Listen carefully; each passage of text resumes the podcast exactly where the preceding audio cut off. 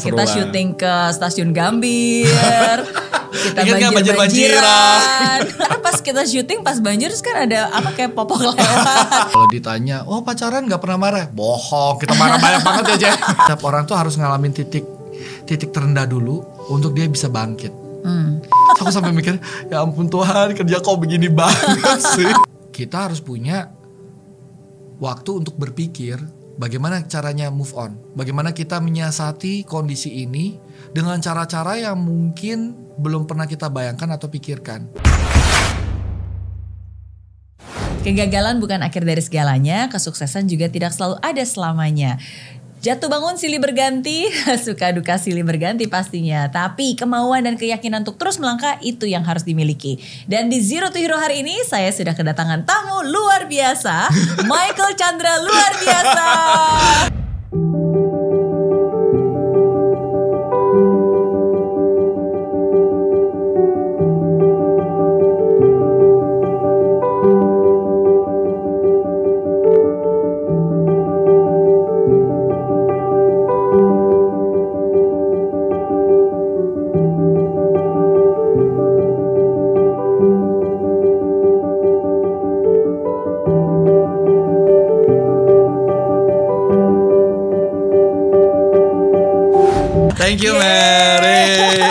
Terima kasih ya udah diundang ya. Iya sama-sama. Apa kabar? Baik, baik banget, baik. Yes, ini aku seneng banget loh ketemu sama Michael. Karena dulu kan kita pernah punya program bareng. Betul, Michael Mary menginspirasi. Masih ingat ya? Masih dong, 3M, 3M, kan?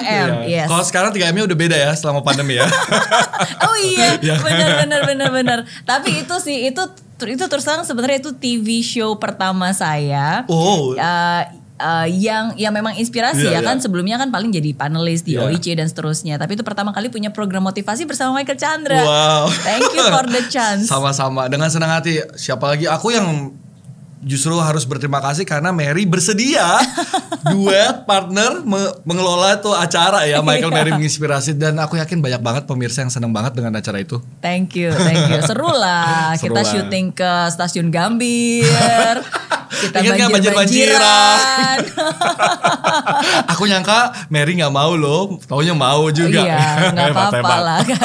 Karena pas kita syuting pas banjir kan ada apa kayak popok lewat, gitu ya nggak sih?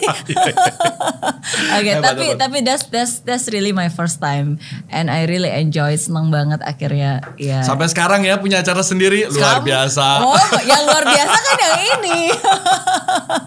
iya, tapi that was like berapa tahun yang lalu waktu itu? Hmm, kayak 2013.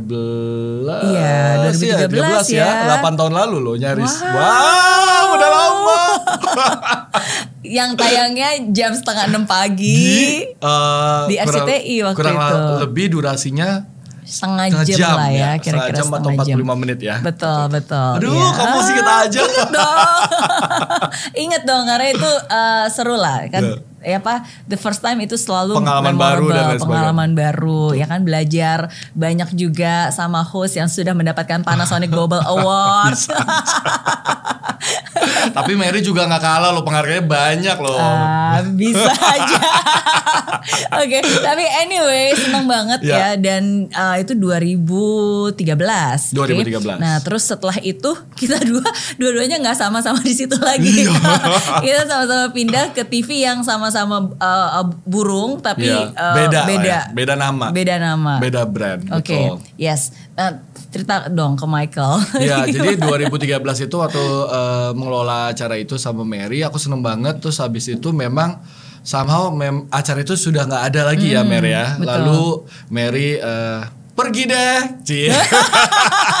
ke burung yang satu lagi gitu ya. Lalu eh, aku meneruskan eh, semua kerjaan-kerjaan yang ada di sana, tapi memang ada eh, challenge nih yang yang yang ditawarkan dan datang gitu ya eh, ke aku terus aku berpikir sempet tuh eh, konsultasi sama Mary kalau Mary inget Mer apa sih artinya comfort zone Ci Oh, tapi tentang comfort zone tapi nggak tahu sebenarnya itu Iya.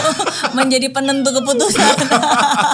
Ah, karena itu dilematis banget. Satu sisi aku senang kerja di yang ah, aku sebut merek Iya, aja ya di RCTI. RCTI. Aku sangat aku merasa itu kayak eh, aku di mendapat banyak pelajaran Hmm. gitu ya, membangun ah, aku, karakter aku seperti apa, aku ingin eh, sebagai jurnalis ke depan dan lain sebagainya. Aku mendapatkan banyak eh, mentoring dari orang-orang yang luar biasa. Nah, cuman satu sisi aku ngerasa apa yang aku kerjakan tuh udah seperti kayak rutinitas Hmm.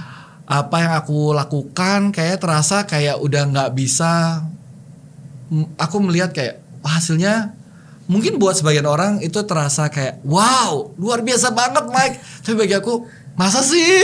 Kayaknya aku ngelakuinnya biasa aja gitu.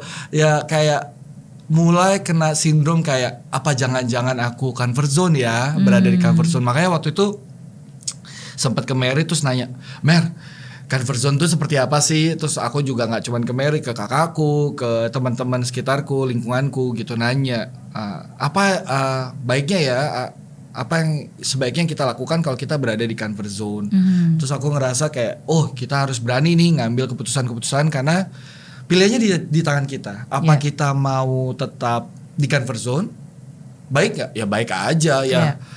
kehidupan akan berjalan sebagaimana mestinya. Tapi kalau kita mau melangkah keluar dari comfort zone kita, itu ada hal-hal baru, tantangan baru yang bisa kita dapat dan semakin memperlengkapi hidup kita. Itu yang pemikiranku yang aku dapat ya dari ngobrol dari banyak orang termasuk Mary.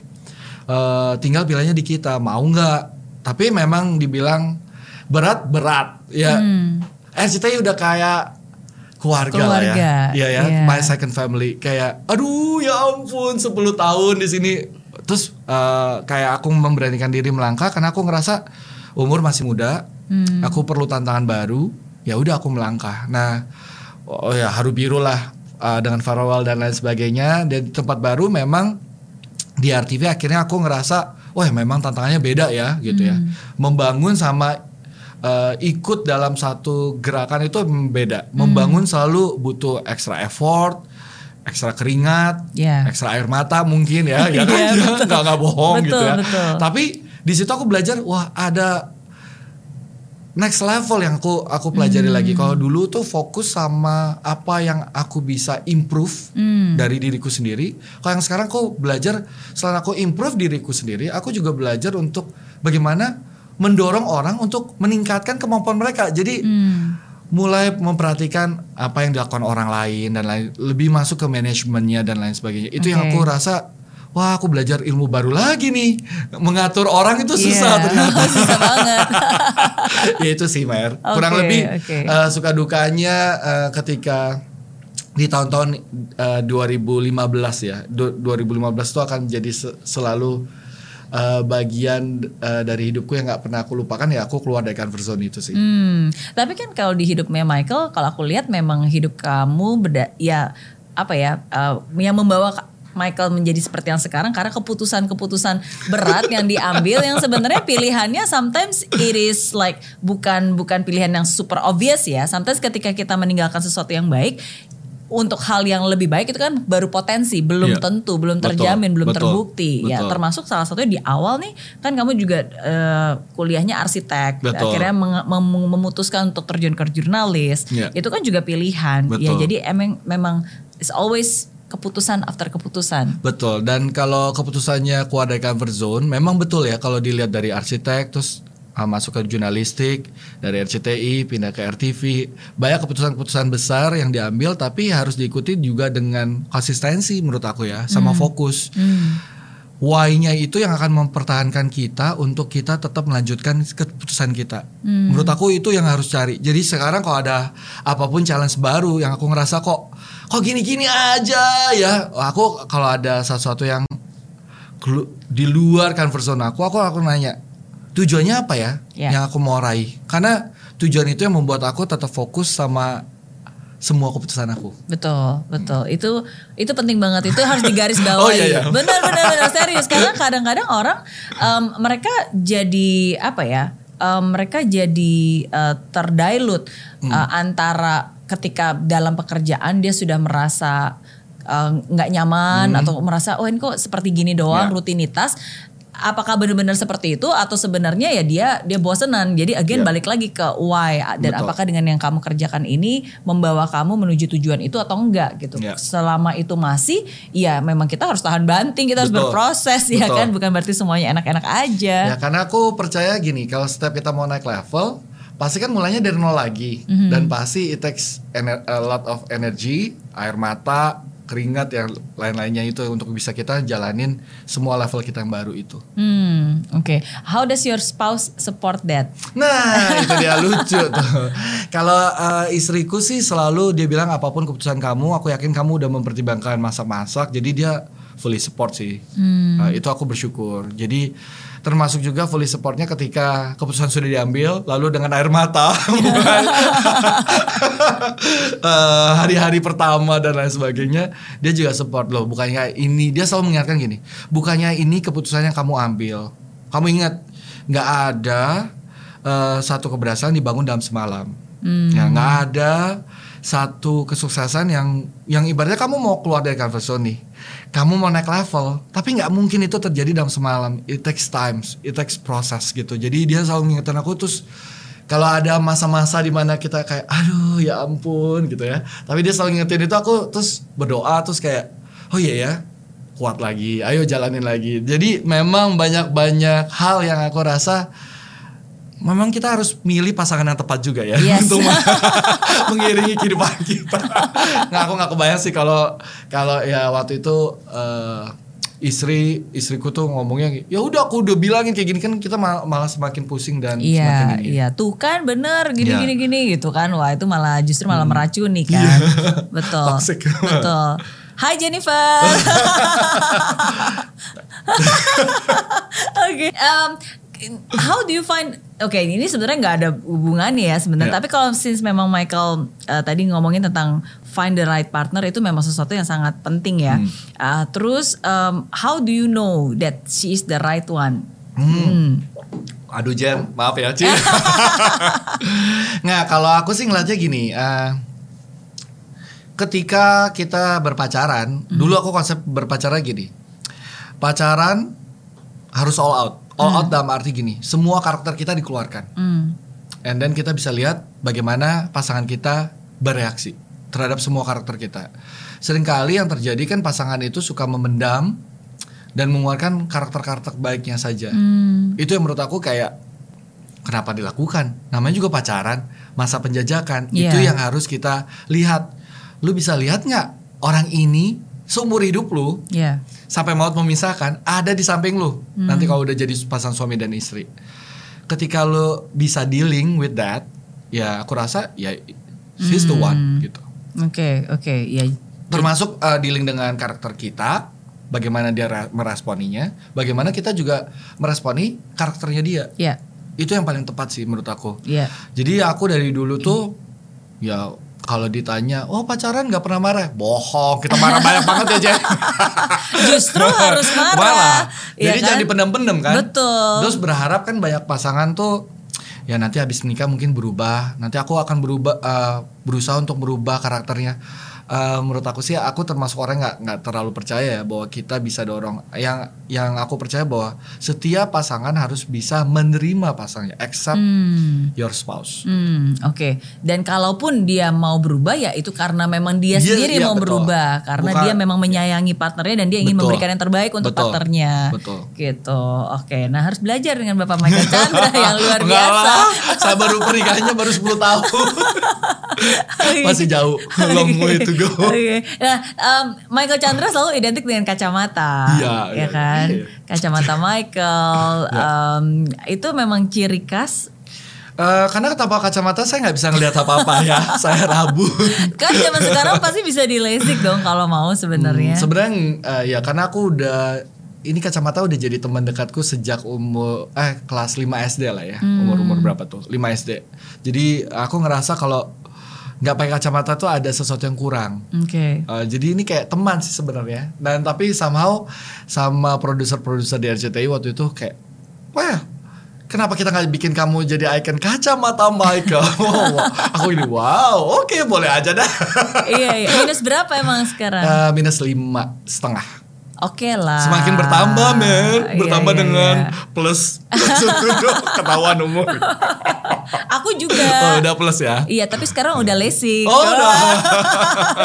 Karena emang nggak pernah nggak pernah kelihatan pakai kacamata Mata, kan. iya, iya, iya. iya, iya, iya. Tapi memang uh, how important is personal brand, khususnya di dunia pertelevisian dan Ah, public figure Menurut Michael. aku sih sangat penting ya, karena semua orang kan menawarkan hal yang sama. Uh, satu hal yang membuat orang tetap dikenal uh, atau masuk kepada mindset setiap masyarakat yang menonton itu adalah personal branding dan bagaimana kita menjaga. Uh, aku nggak bilang mudah me- menjaga uh, atau membangun personal branding, tapi harus kita lakukan. Hmm. Aku pun masih terus belajar membangun personal branding. Kalau Mary kan sudah berhasil ya, teman-teman. Terus belajar lah. Ketika kita bilang kita sudah berhasil, sudah tahu segalanya, uh itu saat-saat kejatuhan ya, tuh. a- aku sih masih terus belajar karena itu yang harus kita ingat bahwa setiap orang punya hal yang mungkin yang ditawarkan sama, tapi yang membuat orang ingat terhadap seseorang adalah diferensiasinya. Dan itu bisa didapatkan lewat personal branding sih. Oke, oke, yes. Dan itu pokoknya tetap harus konsisten. Dari dulu sampai sekarang nggak berubah loh. Masa? Beneran nggak berubah. Oh ya, Heeh. oke. Terima kasih kalau gitu. Padahal berasanya tambah tua, tambah gemuk, Enggak, ya, enggak, ya, enggak, tetap masih Michael Chandra yang luar biasa. Berarti sekarang udah berapa lama nih program Michael Chandra luar biasa? Eh, sekarang di di tahun 2021 ini akan masuk 4 tahun. Eh eh, akan masuk lima tahun. Maksudnya di 2020 4 tahun, eh, 2021 5 tahun itu dibangun 25 September 2016. Wow, masih ingat. Ya harus dong. Itu kan kayak sesuatu yang aku doakan tapi aku bersyukur itu juga diberikan sama Tuhan gitu. Jadi aku selalu berkeinginan untuk punya satu acara talk show yang menginspirasi, yang bisa membangun lilin-lilin di setiap daerah di Indonesia gitu ya. Lilin lilin karena menurut aku banyak banget ya Mer sekarang orang-orang yang katakanlah membawa berita buruk tuh banyak. Hmm. Semua orang jadi kayak merasa ragu Indonesia ini mau kayak gimana sih gitu. Iya. Jadi orang selalu negative thinking. Jadi aku ngerasa kayak kalau Tuhan udah ngasih aku kepercayaan gitu ya, aku pengen eh, punya acara yang bisa menyalakan lilin setiap lilin yang ada di Indonesia ini. Jadi dari cerita-cerita yang kadang-kadang kecil tapi Hmm. siapa tahu bisa menjangkau lima orang. Oh, Iya. berarti ada ya eh, hal-hal positif yang bisa kita banggakan dari Indonesia misalnya gitu. Eh, lalu dari cerita yang lain muncul komunitas dan lain Iya. sebagainya. Itu sih kerinduannya sih. Makanya aku tuh bersyukur banget dan selalu akan ingat eh, di mana Tuhan jawab doaku gitu ya. Eh, wow, beneran ini kejadian ada di tangan gitu untuk dikerjakan gitu. 25 September 2016. Jadi Wow. sampai sekarang sih masih terus dengan semangat sama tim masih terus mengerjakan Michael Chandler luar biasa sih. Yes, yes. Karena ya memang benar banget seperti yang tadi Michael bilang kan, maksudnya ada- lebih banyak berita-berita yang negatif karena berita-berita yang negatif lebih gampang dijual dan dimakan. Betul. Betul. Tapi itu sekali. bukan menjadi alasan untuk kita nggak tetap meng, apa ya menyuarakan hal-hal yang positif, gitu. Supaya ya masyarakat tuh tahu bahwa ada loh hal-hal baik yang terjadi di negeri ini Iya. dari orang-orang yang mungkin nggak kita kenal. Iya. Uh, mungkin ada orang-orang di sekitar kita yang peduli sama orang-orang yang juga kita nggak tahu gitu. Betul, betul. Lalu kan pertanyaannya yang aku harapkan lewat acara itu adalah, loh kalau kita sekarang udah di, berkecukupan gitu, apa yang sudah kita lakukan? Iya. Semoga pertanyaan-pertanyaan itu tuh bisa terlintas dalam benak setiap orang yang nonton acara Makal Canda luar biasa. Apa ya yang sudah gue lakukan ya? Kalau gue dikasih kesempatan untuk S1, S2, Hmm. atau eh dapat gaji yang cukup, apa yang gue, gue udah lakukan? Nyatanya banyak orang yang gajinya nggak cukup, melakukan Iya. hal-hal yang jauh luar biasa yang aku sendiri sebagai host kadang-kadang suka mikir luar biasa banget ya ini orang ya bisa sampai kepikiran. Iya. Aku sama yang kadang-kadang sebagai host tuh dilematis. Kita dengar, kita senang, Mhm. kita support, tapi juga kayak pisau bermata dua juga kadang-kadang juga berkaca apa yang udah gue lakukan ya gitu ya Hmm. Supaya uh, bisa ikut hal-hal yang menginspirasi seperti yang sudah dilakukan sama narasumber ini gitu. Iya, iya, iya, iya betul. Maksudnya sering kali uh, ketika kita membawakan sebuah acara gitu kan, uh, terus orang berpikir bahwa wow acaranya sangat menginspirasi, Iya. which is good ya. Tapi sering kali sebenarnya kita yang terinspirasi dan belajar dari Betul. narsum kita kan. Betul, betul, betul. Iya, sama seperti hari ini belajar dari Michael Chandra. Bisa. Enggak, enggak beneran Roser, aku nggak bohong beneran. Karena em, apa ya, maksudnya menurut saya seseorang eh, untuk bisa konsisten melakukan apa yang dia lakukan Iya. eh, selama bertahun-tahun gitu dengan eh, that kind of standard quality itu definitely bukan hanya cuma masalah profit dan passion aja, there's there's a purpose gitu. Seperti yang Michael bilang, eh, itu adalah acara yang memang kamu doakan loh kamu minta dan dikasih jawabannya sama Tuhan. Jadi ketika kita em, melakukan hal tersebut, ya ya sebenarnya itu adalah tanggung jawab. Orang kita sudah minta udah dikasih masa kita sia-siakan gitu. Ya karena ya sama sama maksudnya one of my wildest dream adalah untuk bisa memiliki uh, talk show sendiri juga Ya, kan betul. dan Tuhan juga menjawab doa saya juga. Jadi bagi saya iris uh, ya Tuhan udah kasih kesempatan kenapa kita sia-siakan kan? Betul. Mm-mm, Ya gitu. emang harus diusahakan. Memang nggak mudah kan aw- awal-awal. udah keringet dingin Keringet dingin. Abang kan nggak punya background ini jurnalis kalau Michael kan ada yang ngajarin juga Tapi ya kalau kita lihat ke belakang sekarang kan udah dilalui segala macam dan tinggal Iya. bagaimana kita mempertahankan secara ya konsistensi dan fokus saja dengan Hmm. Membidik eh, apa ya tujuan yang baru karena menurut aku setiap tujuan itu harus kita perbarui kali ya Mer Iya, ya. iya, betul. Kalau tadi awalnya kita eh, menginspirasi what next kita mau apa nih eh, Hmm. dari acara ini itu yang aku juga lagi berusaha pikirkan sama tim kayak what next ya? Setelah after five years what next ya? Kita Iya. mau ngapain lagi? Kalau orang-orang udah kita cerita-cerita yang inspirasi dari banyak orang sudah kita hadirkan what next? Hmm. apa yang kita bisa lakukan buat kebaikan negeri ini gitu? Ya setuju. Harus harus naik kelas. Naik kelas, harus selalu betul. naik kelas. Oke. Michael Wah, sekarang nanya yang lebih berat dikit aduh aku deg-degan Aku kira enggak, enggak, Enggak enggak, ya? enggak. Aku kan kalau setiap kali ketemu Michael tuh orangnya selalu ceria, positif. Sebenarnya kita selaras lah, maksudnya kita Hmm. Iya. selalu kayak wah optimis, positif, bubbly gitu. Em, tapi saya yakin pasti pernah mengalami masa-masa sulit dong. oh iya Titik terendah yang pernah Michael alami. Oke, eh, tentunya muka senyum ini, smiley face ini tidak akan selalu ada. Ya ada lah masa-masa di mana eh, kok kok gini banget ya, capek banget. Dan ada lah beberapa kali. Hmm, mungkin waktu aku, kalau aku ingat ya, waktu zaman aku dari arsitek, eh, banker selalu pindah ke jurnalis, itu ada titik terendahku tuh ke- ketika kayak lagi liputan, banjir, terus ada kotoran manusia lewat empat perfect shape u gitu ya. Terus aku sampai mikir ya ampun Tuhan kerja kok begini banget sih? Kayak harus ya gitu ya. Tapi aku ngerasa ya itu is your calling kan gitu. Aku cuma diingetin kayak ada suara kayak loh itu kan your passion kan? Ya. Ya memang uh, memang jalannya harus dijalani seperti itu. Jadi ada selalu aku ngerasa suara eh, lalu ada teman-teman yang selalu mengingatkan pasangan yang selalu mengingatin loh. Itu pilihan dan setiap pilihan itu nggak ada yang bilang jalannya akan mudah jalannya lebar atau jalannya nggak berbatu. Tapi ada.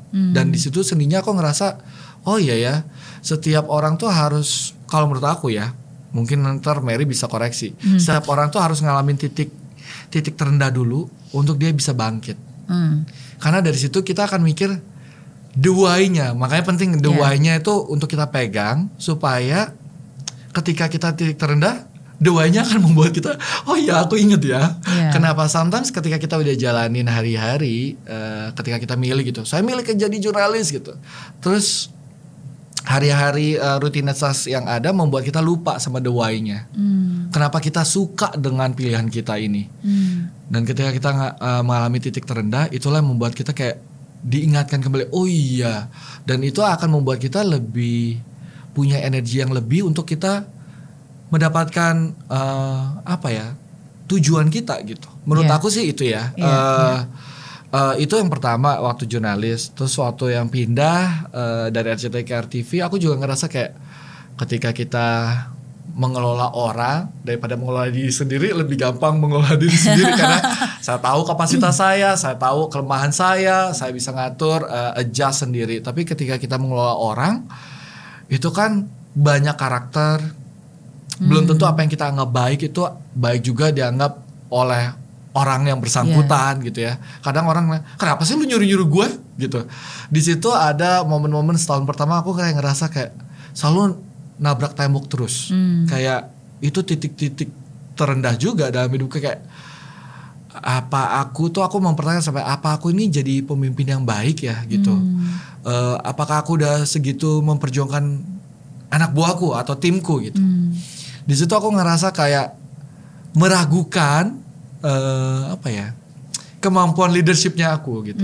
Tapi lagi-lagi di tengah titik terendah ada orang-orang sekitar di mana. Jadi penting menurut aku tuh setiap titik terendah dalam hidup tuh aku merasa penting kita punya komunitas yang sehat, pasangan yang luar biasa juga yang selalu support sehingga mereka tuh bisa bantu kita mengingat lagi Hmm. the why-nya, tujuannya, alasan dibalik kita ngambil semua keputusan kita. Hmm.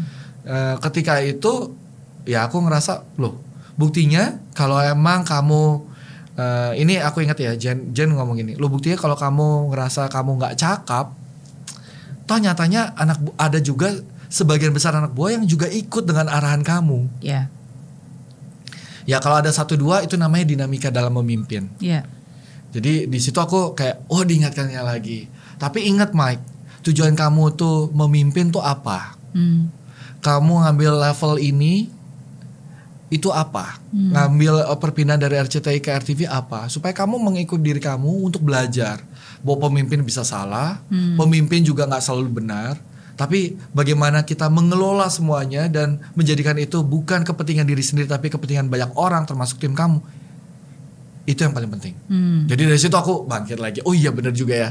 Jadi Iya, aku rasa itu sih dua hal yang aku rasa ada dalam pemikiranku. Dua uh, fase titik terendah yang kayak aku ngerasa kayak, aduh, tapi bersyukur ya lagi-lagi ya ada di komunitas yang tepat, orang-orang Iya. di sekelilingku, orang-orang yang punya positive thinking, apalagi pasanganku gitu. Iya, dan dua-duanya itu berhubungan loh karena dua-duanya berhubungan dengan perpindahan transisi. Iya, iya. Stepping out from comfort zone gitu kan. Ketika kita step out from comfort zone dan bam. Iya. Makanya nggak nggak ada yang bilang kalau Iya. ketika kita keluar dari comfort zone kan setiap anak-anak muda gitu ya kan. Sih anak-anak muda kita masih muda Oh, ya, iya. ya. Setiap anak-anak yang baru lulus gitu aku eh, selalu kalau ketemu Mas, aku tuh ngerasa ah, kita tuh harus kayak gini gini gini. Aku bilang, iya ya nggak apa-apa. Aku suka dengan semangatnya. Tapi mesti ingat setiap kita keluar dari comfort zone pasti ada konsekuensinya juga. Iya. Konsekuensi dalam arti gini, semua keputusan yang kita ambil nggak ada yang bilang jalannya mulus Iya. pasti ada titik terendahnya kita tetapi ya itu yang harus kita jaga gitu Betul. jangan sampai kita larut dengan titik terendah kita dan kita nggak bisa menemukan diri kita lagi kenapa kita berada dalam keputusan yang kita ambil itu gitu Exactly. jadi kita uh, tenggelam gitu Iya. dengan dengan semua uh, negative thinking yang ada. Iya, iya, Set- setuju, setuju. Itu benar banget karena sometimes kalau buat saya titik terendah itu uh, adalah fondasi. Hmm. Ya dan Exactly. again adalah fondasi dan untuk membangun fondasi berarti kita harus benar-benar tahu. Jadi Ya. ditajamkan lagi gitu. Uh, tujuannya apa sih? Kenapa sih Ya. gitu? Dan dan every pain there's always a purpose. Jadi ketika Tuhan memberikan kita sebuah kesulitan ya mungkin dia ingin mempertajam purpose-nya kita Betul. gitu. Are you are you are you sure gitu? Ya. Apakah ini benar nggak sih sesuai nggak sih gitu. Jadi ya bagi saya itu sih. And sometimes for me kalau uh, kenapa kita harus melalui saat-saat susah uh, ya supaya ketika kita nanti berhasil ya kita bisa lebih mengappreciate.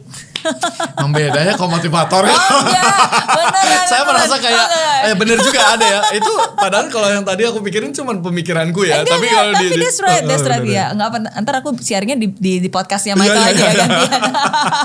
Enggak, tapi aku tapi aku setuju banget sih seperti Iya. yang Michael bilang dan again is is good that you bring this out untuk ngomongin tentang purpose again balik-balik lagi ke purpose Iya. karena ya itu sih yang paling penting Iya. gitu jadi jangan hanya sekedar ikut-ikutan Betul. jangan hanya sekedar uh, oh kayaknya di sini lebih lebih cepat nih dapat duitnya Nah. kadang-kadang kan orang suka loncat-loncat Betul, nih nggak betul. apa-apa pindah dari misalnya RCTI ke RTV supaya nanti bisa balik ke RCTI dengan pangkat dan gaji yang lebih Betul, tinggi gitu kan. Betul. ya itu I think is a wrong reason sebenarnya. Itu aku juga uh, ada banyak ya ketika aku pindah teman-teman juga kontak dari sana sini terus pengen segala macam. Aku cuma bilang gini, lu yakinin dulu tujuan lu pindah apa. Kalau sekedar cuman buat jabatan atau sekedar buat gaji, mungkin itu temporary. Hmm.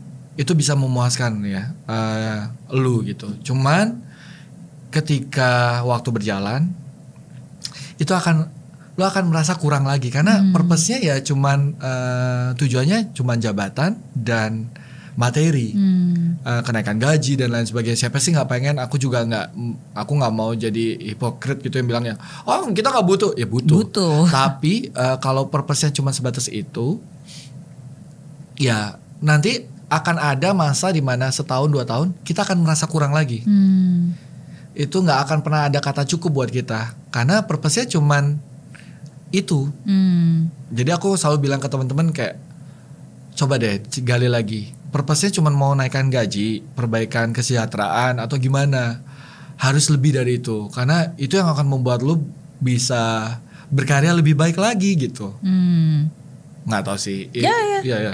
itu itu Setuju. menurut aku sih ya aku udah pernah aku nggak tahu nih aku dekan ya kalau berhadapan dengan motivator apakah itu salah satu itu cuma- tapi pemikiran-pemikiran kecil yang aku selalu bilang ke teman-teman ya kayak lo harus ada eh, alasan lain gitu Ya. tujuan lain gitu kalau tujuannya cuman se ibaratnya sesingkat itu ya ketika lu dapetin semuanya sesuai dengan keinginan ya lo akan haus dan lapar lagi dengan yang lain gitu. jadi nggak akan ada yang pernah bisa memuaskan dari pencapaian-pencapaian yang lu- su- sudah lu lakukan gitu Betul, tu- ya setuju, setuju, setuju.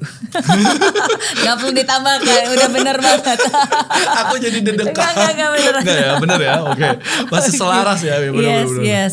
Um, kan tadi Michael bilang sebenarnya uh, hidupnya Michael tuh sebenarnya sangat beruntung ya kamu dikelilingin orang-orang yang Ya. selalu mensupport kamu, memberikan semangat gitu.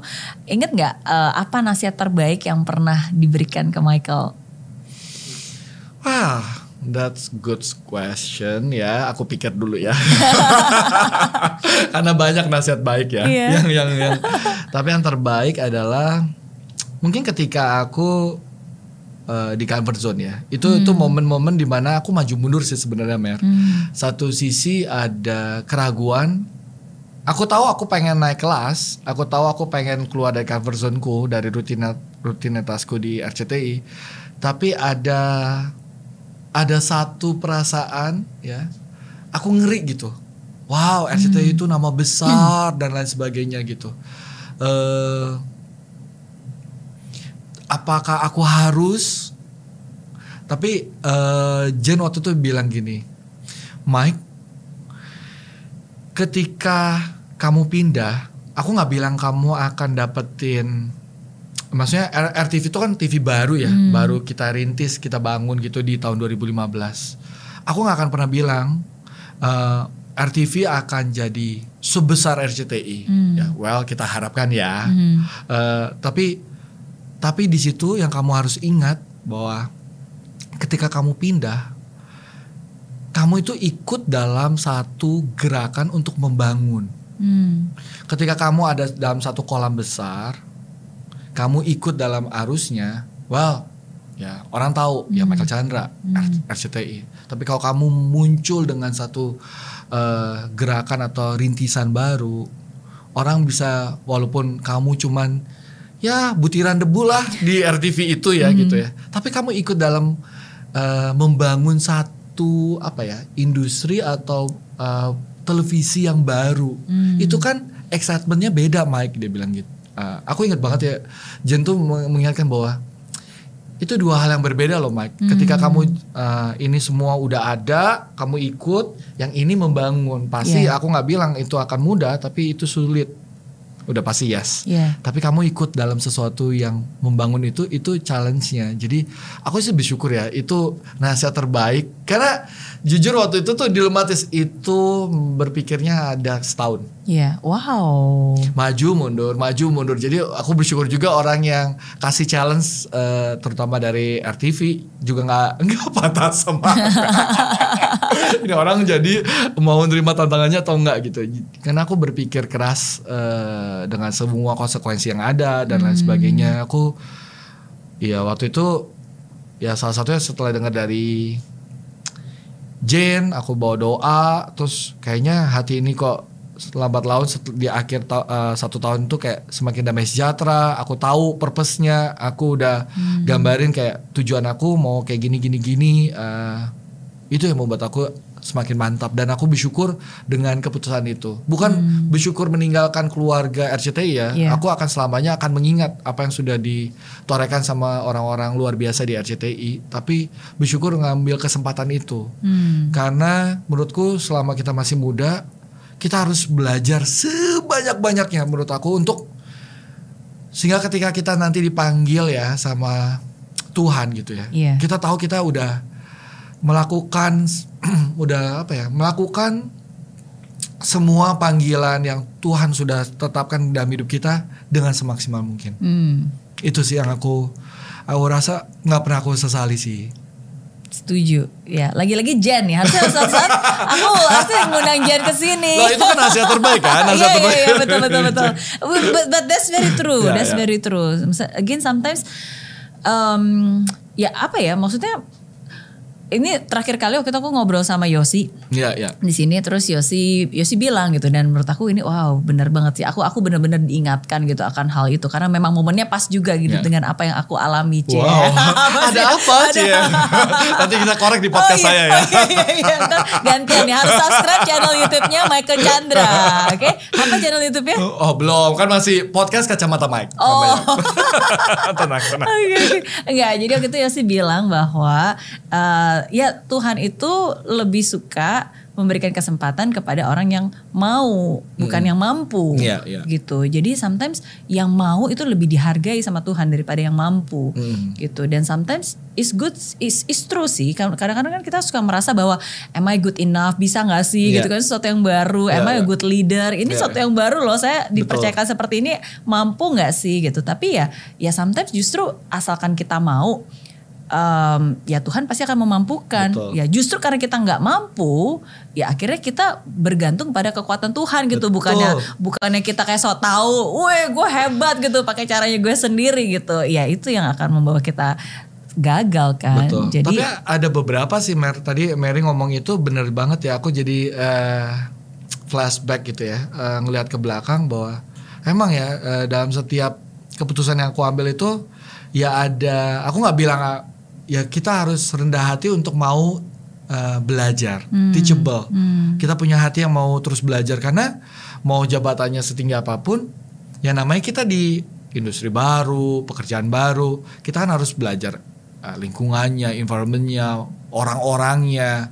Nah kita kadang kala suka terjebak dengan masa lalu. Dulu waktu di RCTI, dulu waktu ya kayak gitu-gitu Iya, lah iya, ya. iya, iya. Dulu orangnya nggak kayak gini, dulu orangnya gitu. Jadi kita uh, harus move on juga ketika Betul. kita mau comfort zone, keluar dari comfort zone, Iya, iya. semuanya tuh harus totally different. Jadi kita jangan, aku awal-awal tuh selalu punya itu dan akhirnya stres sendiri gitu ya. Hmm. Kok ngerjain edit ini lama banget sih? Dulu nih gitu, dulu. Jadi kayak lama-lama orangnya gini. Ya udah, iya gue tahu lu mau ngomong kan dulu digituin. Aku langsung tak, oh iya juga ya. Bahwa ketika kita mau memberanikan langkah eh, menggerakkan langkah kita gitu keluar dari semua masa lalu kita kita juga harus punya mindset oh kita harus belajar dengan orang yang baru kita harus belajar dengan eh, culture-nya yang ada di tempat kita eh, tem- di tempat yang baru dan lain sebagainya itu yang menurut aku yang kita juga harus open minded sih menurut Iya, aku Ka- iya. karena nggak mungkin kita bisa eh, ibaratnya melaksanakan semua pekerjaan kita di tempat yang baru dengan baik kalau kita nggak punya itu semua sih Betul betul dan itu penyakit ya penyakit Iya, untuk iya. selalu ingat Terjebak. mengcompare gitu terjebak jadi sebenarnya kitanya seakan-akan kita lagi ada di sini tapi sebenarnya nggak juga kita masih terjebak masa lalu Betul. ya jadi terjebak masa lalu bukan hanya dalam hubungan dalam pekerjaan juga Betul, sangat aku. bisa relatable ya apalagi kalau kita kerjanya udah lama ya kayak lima tahun 10 Iya, iya, tahun iya. semua orang udah kayak part of our family gitu ya. Terus tiba-tiba kita masuk dengan orang-orang baru. Siapa Iya. dia siapa dia siapa dia. Terus semua kan kita langsung harusnya pakai masa lalu. Harusnya pakai masa lalu gitu kan. Orang-orang juga merasa ini orang sebenarnya seneng gak sih pindah ke sini? Kan jangan sampai orang juga mikir kayak gitu kan itu sih aku aku belajar uh, banyak hal dari situ sih Oke, okay, that's interesting. Iya. Ya, tapi sekarang Michael Chandra yang aku temuin udah sedikit berbeda nih, karena sekarang anaknya udah dua. Wah, iya, iya, iya. Ada MJ. Bener ya? Oh, iya, iya. Iya, dulu aku pikir namanya panggilannya MJ loh, tapi sekarang berubah jadi Jamie. loh emang iya kan uh, Matthew James uh, Jamesnya panggilannya Jamie Oh, oke oke. Tapi sekarang ada yang satunya lagi. yang satu lagi Mark, MJ Matthew James Ma- uh, Mark Jameson Mark Jameson. Semuanya ada uh, uh, apa hubungannya dengan nama bapak dan ibunya. Michael M, J, Jennifer. Oh, oke. Jadi J-nya Jennifer ya, bukan Chandra semua. Oh, di belakangnya Chandra. Oh, iya, iya, iya, MJ, iya. MJ itu semua ma- ma- Jamie, eh Jamie itu Jane Michael. Oke oke. Eh sama loh aku juga. Dua-duanya harus ada unsur, A, A dan B. Alpha dan Mary. Iya. Jadi Alvernia Mary sama satu lagi Alfian Mark. Ya itulah ya kita orang tua yang narsis ya. Enggak, Kesannya- uh, kita men- meng-create legacy. legacy betul. Gitu. Kayak Jameson, uh, Jane Michael second son. Oh. James, Jane Michael son. Oh. Oke oke oke. Wow. Sangat meaningful. Berapa lama mikirin nama anak? Banyak sambil kita cari ah, ini artinya apa yang nama Jameson tuh uh, uh, James tuh apa, Mark apa, Matthew apa Sa- sambil kita kotak-katik MJ gimana ya caranya supaya ada unsur nama mak bapaknya gitu. Ternyata bisa, Ber. bisa bisa. So pertanyaan nanti kalau misal eh, t- kemarin itu waktu yang kedua lahir, kalau anaknya cewek apa ya? Jadi susah. kan ada kayak misalnya Jemaida atau apa Jane Michael Daughter atau apa kan Oh, bingung udah oke, kayak oke, udah oke. mulai aneh nih absurd. Tapi anak zaman sekarang sih justru nama-nama makin unik itu makin keren. Keren Jadi ya. kadang-kadang nggak perlu ju- justru yang aneh-aneh aja juga nggak apa-apa. Apakah ini tandanya eh, Jane harus punya anak ketiga? Ya? Ke situ. Tanya ke situ ya. Iya, iya. Minta nasihat dulu, minta nasihat, Nggak, nggak, nggak. minta Dua cukup nasihat. udah. Dua cukup ya. ya. Tapi what is your um, apa nih mimpi yang belum tercapai yang masih pengen diraih oleh Michael? Apa ya? Ini sebenarnya eh, satu pemikiran yang aku sendiri juga takut mengucapkannya. Tak- kalau udah kejadian kan itu jadi kayak tanggung jawab yang yang diberikan Tuhan yang harus kita emban lagi. Tapi aku pengen eh, punya buku ya kalau bilang ini kan malu ya sama Mary. Mary kan udah nulis beberapa buku. Eh, cuman ini eh, salah satu yang bukunya bukan tentang aku sih tapi buku yang bisa empowering eh, orang-orang soal kisah-kisah inspiratif dari narasumber-narasumber yang ada. Eh, lalu punya komunitas. Hmm. supaya ya tadi itu purpose-nya what next? Jadi nggak cuman sekedar ini ya luar biasa orang-orang ini. Tapi kita bisa saling support dan eh, jadi sesuatu yang bermanfaat buat kehidupan mereka. Dan kalau aku ngerasa kalau kita ikut di dalamnya kita nggak cuma memberikan nilai manfaat tapi mereka apa yang mereka lakukan narasumber-narasumber ini juga bisa memberikan manfaat yang lebih buat orang-orang sekitarnya. Jadi itu ibaratnya kayak aku pengen kayak pay it forward gitu kayak kita udah dorong mereka berhasil, mereka bisa dorong orang-orang lain lagi yang lebih eh, individu-individu lain untuk bisa berkarya, mereka berhasil. Dan kalau itu bisa dilakukan, aku rasa kita bisa menggerakkan Indonesia ke arah yang lebih baik sih. Iya, iya. Amin, amin. Harus ada dong bukunya. Kan udah banyak tuh Iya. narasumbernya. Tapi aku nggak tahu mau mulai dari mana. Cuman itu salah satu yang kepikiran sih. Ya nanti belajarlah dari Mary Diana lah ya. Bukunya udah ada soalnya. Iya, tapi Gitu sih. tapi Michael suka nulis gitu gak sih? Kayak nulis ngeblog gitu. Ngeblok sih nggak, nggak, Hmm. belum. Oke, oke. Cuman memang itu ha- eh, hasrat terpendam ya, yang belum kejadian aja sih Mer. Iya, iya, iya. Pasti bisa. Masih bisa, Yeah. waduh luar biasa dimotivasi sama Mary. Pasti bisa, oke. Pasti bisa. Pasti bisa. Iya. Em, hobi paling aneh yang pernah kamu hobinya Michael Chandra tuh hobinya apa sih? Sebenarnya cuma traveling sama nonton bioskop ya. Tapi karena pandemi kan aku udah nggak pernah lagi takut. oh iya sama loh. Aku Iya. juga nonton Aku suka bioskop. nonton bioskop itu kayak eh, me time-nya aku sih. Hmm. Eh, nonton, eh, menikmati film sambil eh, Tapi aku sekarang gantinya jadi Netflix. Oh iya, itu lah sekarang Disney jadi dan, dan sama Netflix dan lain sebagainya. Aku juga nontonnya Betul, itu sih. iya, dan Cuma kan eh, eh, eh, apa ya pengalamannya beda ya. Eh, eh, ya eh, aku Hmm. Beda, nggak beda. ngerasa maksudnya experience-nya tuh beda ketika kita megang sama nonton atau di TV sama kita benar-benar di bioskop. Iya, iya beda, beda. Kalau bioskop Iya, iya. santai ada popcorn. goreng gitu. Walaupun kita masak po- uh, apa popcorn sendiri di rumah tapi kayak beda aja gitu sama Beda, beda. baunya, bau ruangannya. Aku suka. Itu sih. Iya iya hobinya. iya iya. Ya semoga lah, semoga ntar ntar lagi vaksin udah Ada. bioskop Terus kita mulai bisa ini lagi. Jalan-jalan, jalan-jalan sih itu juga aku sama keluarga sih suka traveling ya. Cuma kan karena pandemik nggak bisa. Jadi Betul. jalan-jalan terjauh yang kita lakukan sama keluarga ya ke Bandung. Ya. Tapi lumayan loh kalau kalau nggak ada pandemi mungkin aku nggak akan jalan-jalan sama anak-anak ke Bandung dan bener-bener ngiterin Bandung, Lembang ke apa Asia Afrika. Iya. Ke mana apa farmhouse Iya, lah iya. dan dan itu bagus-bagus ternyata Benar. rapi bersih gitu ya jadi selalu ada sisi baik lah kalau kita mau Iya. lihat Ya sesuatu yang berubah eh, selama pandemi ya banyak hal ya, tapi kita bisa adjust dan kalau dilihat dari hal yang positif pasti bisa. Ada lah hal-hal positif. Aku ngerasa selama pandemi, kalau tadi nanya hobi, jadinya main sama anak. Tadinya tadi waktunya mungkin cuman quality time, nggak quantity, tapi sekarang quantity dan quality-nya jadi ada. Jadi ada hal-hal yang ternyata bisa kita syukuri selama pandemi ini sih. Iya iya iya betul betul betul jadi eh, jadi sering bikin IG live juga Oh ya ya ya.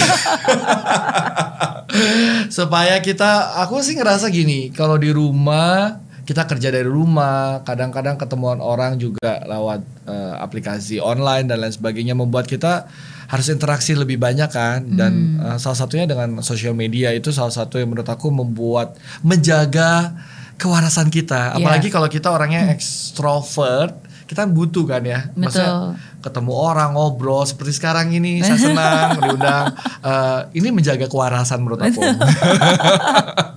Mbak, salah satu upaya untuk menjaga kewarasan selama pandemi di mana kalau kita di rumah kan ketemunya sama laptop Iya. makanya aku banyakin kalau eh, di sela-sela eh, waktu itu main sama anak gendong Hmm. anak atau main cuma 15 menit tapi it does mat- eh, itu sangat penting buat mereka gitu it does betul matter betul for them. betul dan ngobrol ya apalagi kan Iya. sekarang eh, yang besar pun juga udah bisa diajak ngobrol Betul. yang kecil juga bisa sih lucu Iya. lebih pasti kan obrol-obrol Ya, gitulah. lucu oke oke Em, terakhir nih berarti pesan Michael untuk Waduh.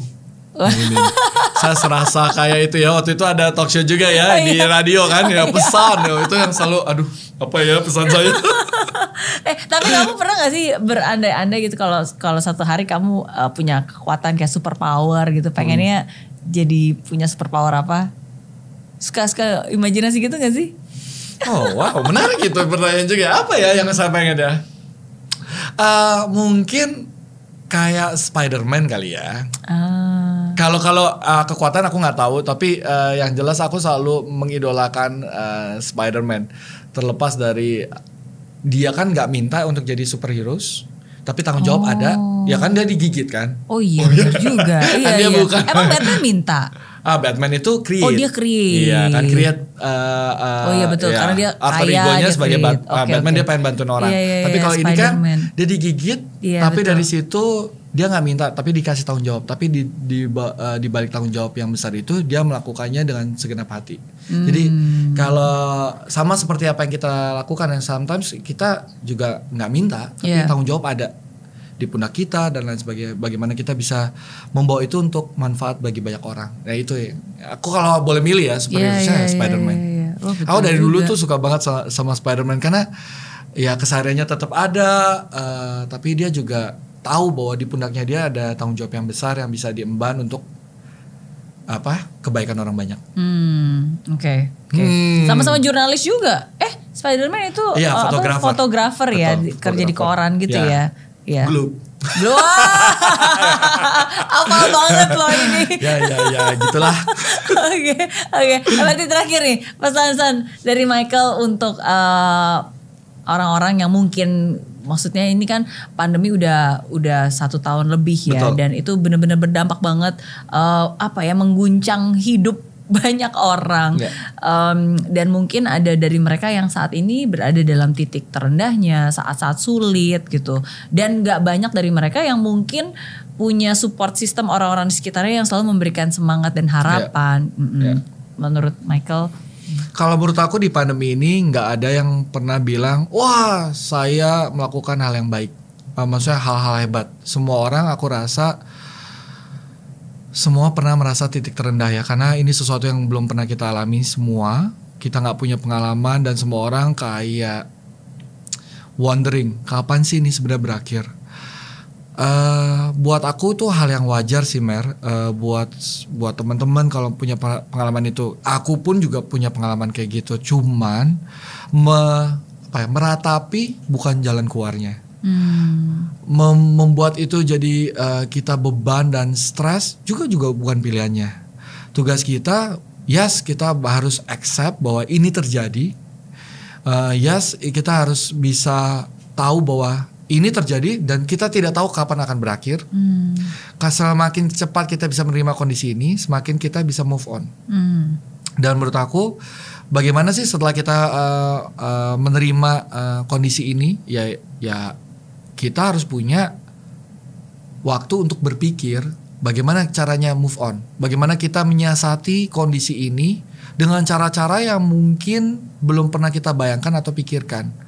Wah ngeri banget dong, aku nggak ngerti dong harus ngapa-ngapain. Ya justru itu, this is the right time untuk kita benar-benar diam, berpikir kita mau ngapain.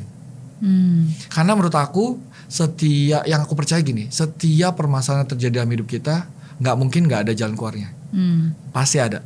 Cuman tinggal bagaimana kita keluar. Ibaratnya kalau dulu kan kita udah tahu ya kata ibu kita kalau kerja di Sudirman itu pasti oke masa depannya. Kan semua udah tahu tuh karena semua orang udah punya pengalaman masa lalu. Kalau Iya. ini sesuatu yang abstrak semua orang nggak tahu apa yang ada di depan kita apa yang Iya. sedang kita jalani ke depannya gimana nggak ada yang tahu. Cuman saatnya kita diem terus mikir kayak apa yang kita bisa lakukan ya? Apa yang ada di tangan? Lalu kita kreasikan apa? Karena nyatanya dari narasumber-narasumber yang banyak banget aku eh, hadirkan gitu di Michael Chandra luar biasa aku belajar banyak gitu kayak ternyata banyak ya asal mau diam lihat apa yang ada di tangan dan diusahakan dengan kreativitas kreativitas aku percaya Tuhan tuh ngasih kita tuh nggak cuma apa ya kemampuan untuk bisa menghadapi permasalahan tapi juga kreativitas. Tinggal kita gali mungkin caranya cara yang berbeda gitu ya. Eh, dari yang biasa kita lakukan. Ya nggak apa-apa. Coba. Dan kalau gagal coba lagi dengan cara yang lain. Eh, konsisten kreativitas itu penting sih menurut aku. Dua hal itu eh, untuk kita menghadapi. Oh yang satu lagi move on. Move on konsisten dan eh, kreativitas itu yang penting untuk eh, tiga modal yang aku rasa bisa membuat kita bisa apa ya bukan tidak hanya bertahan tapi bisa berjalan di masa-masa pandemi seperti saat ini Hmm, oke. Move on, konsisten dan, Dan kreatif. kreatif, ya. Selalu cari cara baru lah. Oke. Des, thank you so much. Thank you. Aduh, semoga aku aku deg-degan ya kalau ngasih pesan atau wejangan di depan seorang motivator.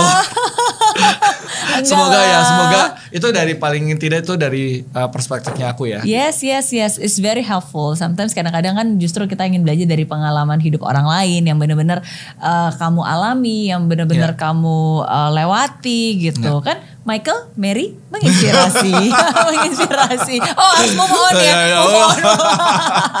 Sekarang udah impossible ya. Dan luar biasa. Michael Chandra luar biasa. Michael luar biasa Biasa ya. Michael Chandra luar Chandra biasa. luar biasa. Oke. Yes, tapi thank you. Aku seneng banget loh hari ini bisa Ya. catching up. Aku juga, terima kasih. Uh, seru banget ngobrol-ngobrol. Thank you so much buat opportunity-nya dan looking forward untuk nanti ya ngobrol di podcastku Ayo ya. dong. Sama YouTube ya yes, di Kacamata yes, Mike yes. ya. Oke, yes, yes. sip. Harus harus ditunggu. Jadi sementara kalian semua bisa follow Instagramnya Michael Chandra. Ya, terima kasih dan eh, juga YouTube ya Oh Kacamata YouTube. Mike. Udah ada kan berarti? Udah ada, udah ada. Nah, Tadi kaget aja, oh boleh promo ya gitu. boleh tagihannya setelah ini. enggak lah, enggak lah. Karena kan karena di hidup itu kan ada ada profit, ada purpose. Ya. Wih. It's not just about profit. Ada profit, passion, terus purpose. Luar Ultimately at the end of the day bukan profit, bukan passion, tapi purpose. Ya. Itu yang membawa kita. Udah, lanjut lagi nih, mulai lagi. Udah mau closing, mau mulai lagi. Ntar lanjutnya di tempatnya Michael Iya, aja iya. ya. Ntar Thank you kita ya, thank you. Ma Amer. Sama-sama. Uh, Sangat-sangat senang bisa berbagi dan semoga ini bermanfaat lah ya obrolan Amin. ini. Amin, amin. pasti pasti. Salam buat Jennifer. Salam juga buat Alfa dan anak-anak. Sama-sama. Thank you dan semoga apa yang dibagikan hari ini bisa memberikan manfaat buat kalian semua. Seperti yang saya selalu bilang, setiap orang pasti punya cerita dan setiap cerita pasti punya pengalaman berharga. Oke, jadi semoga pelajaran berharga hari ini bisa memberikan manfaat buat kamu. Jangan lupa juga untuk subscribe, like, comment, share. Oke, dan ditunggu tayangan Zero to Hero berikutnya. Oke, bye.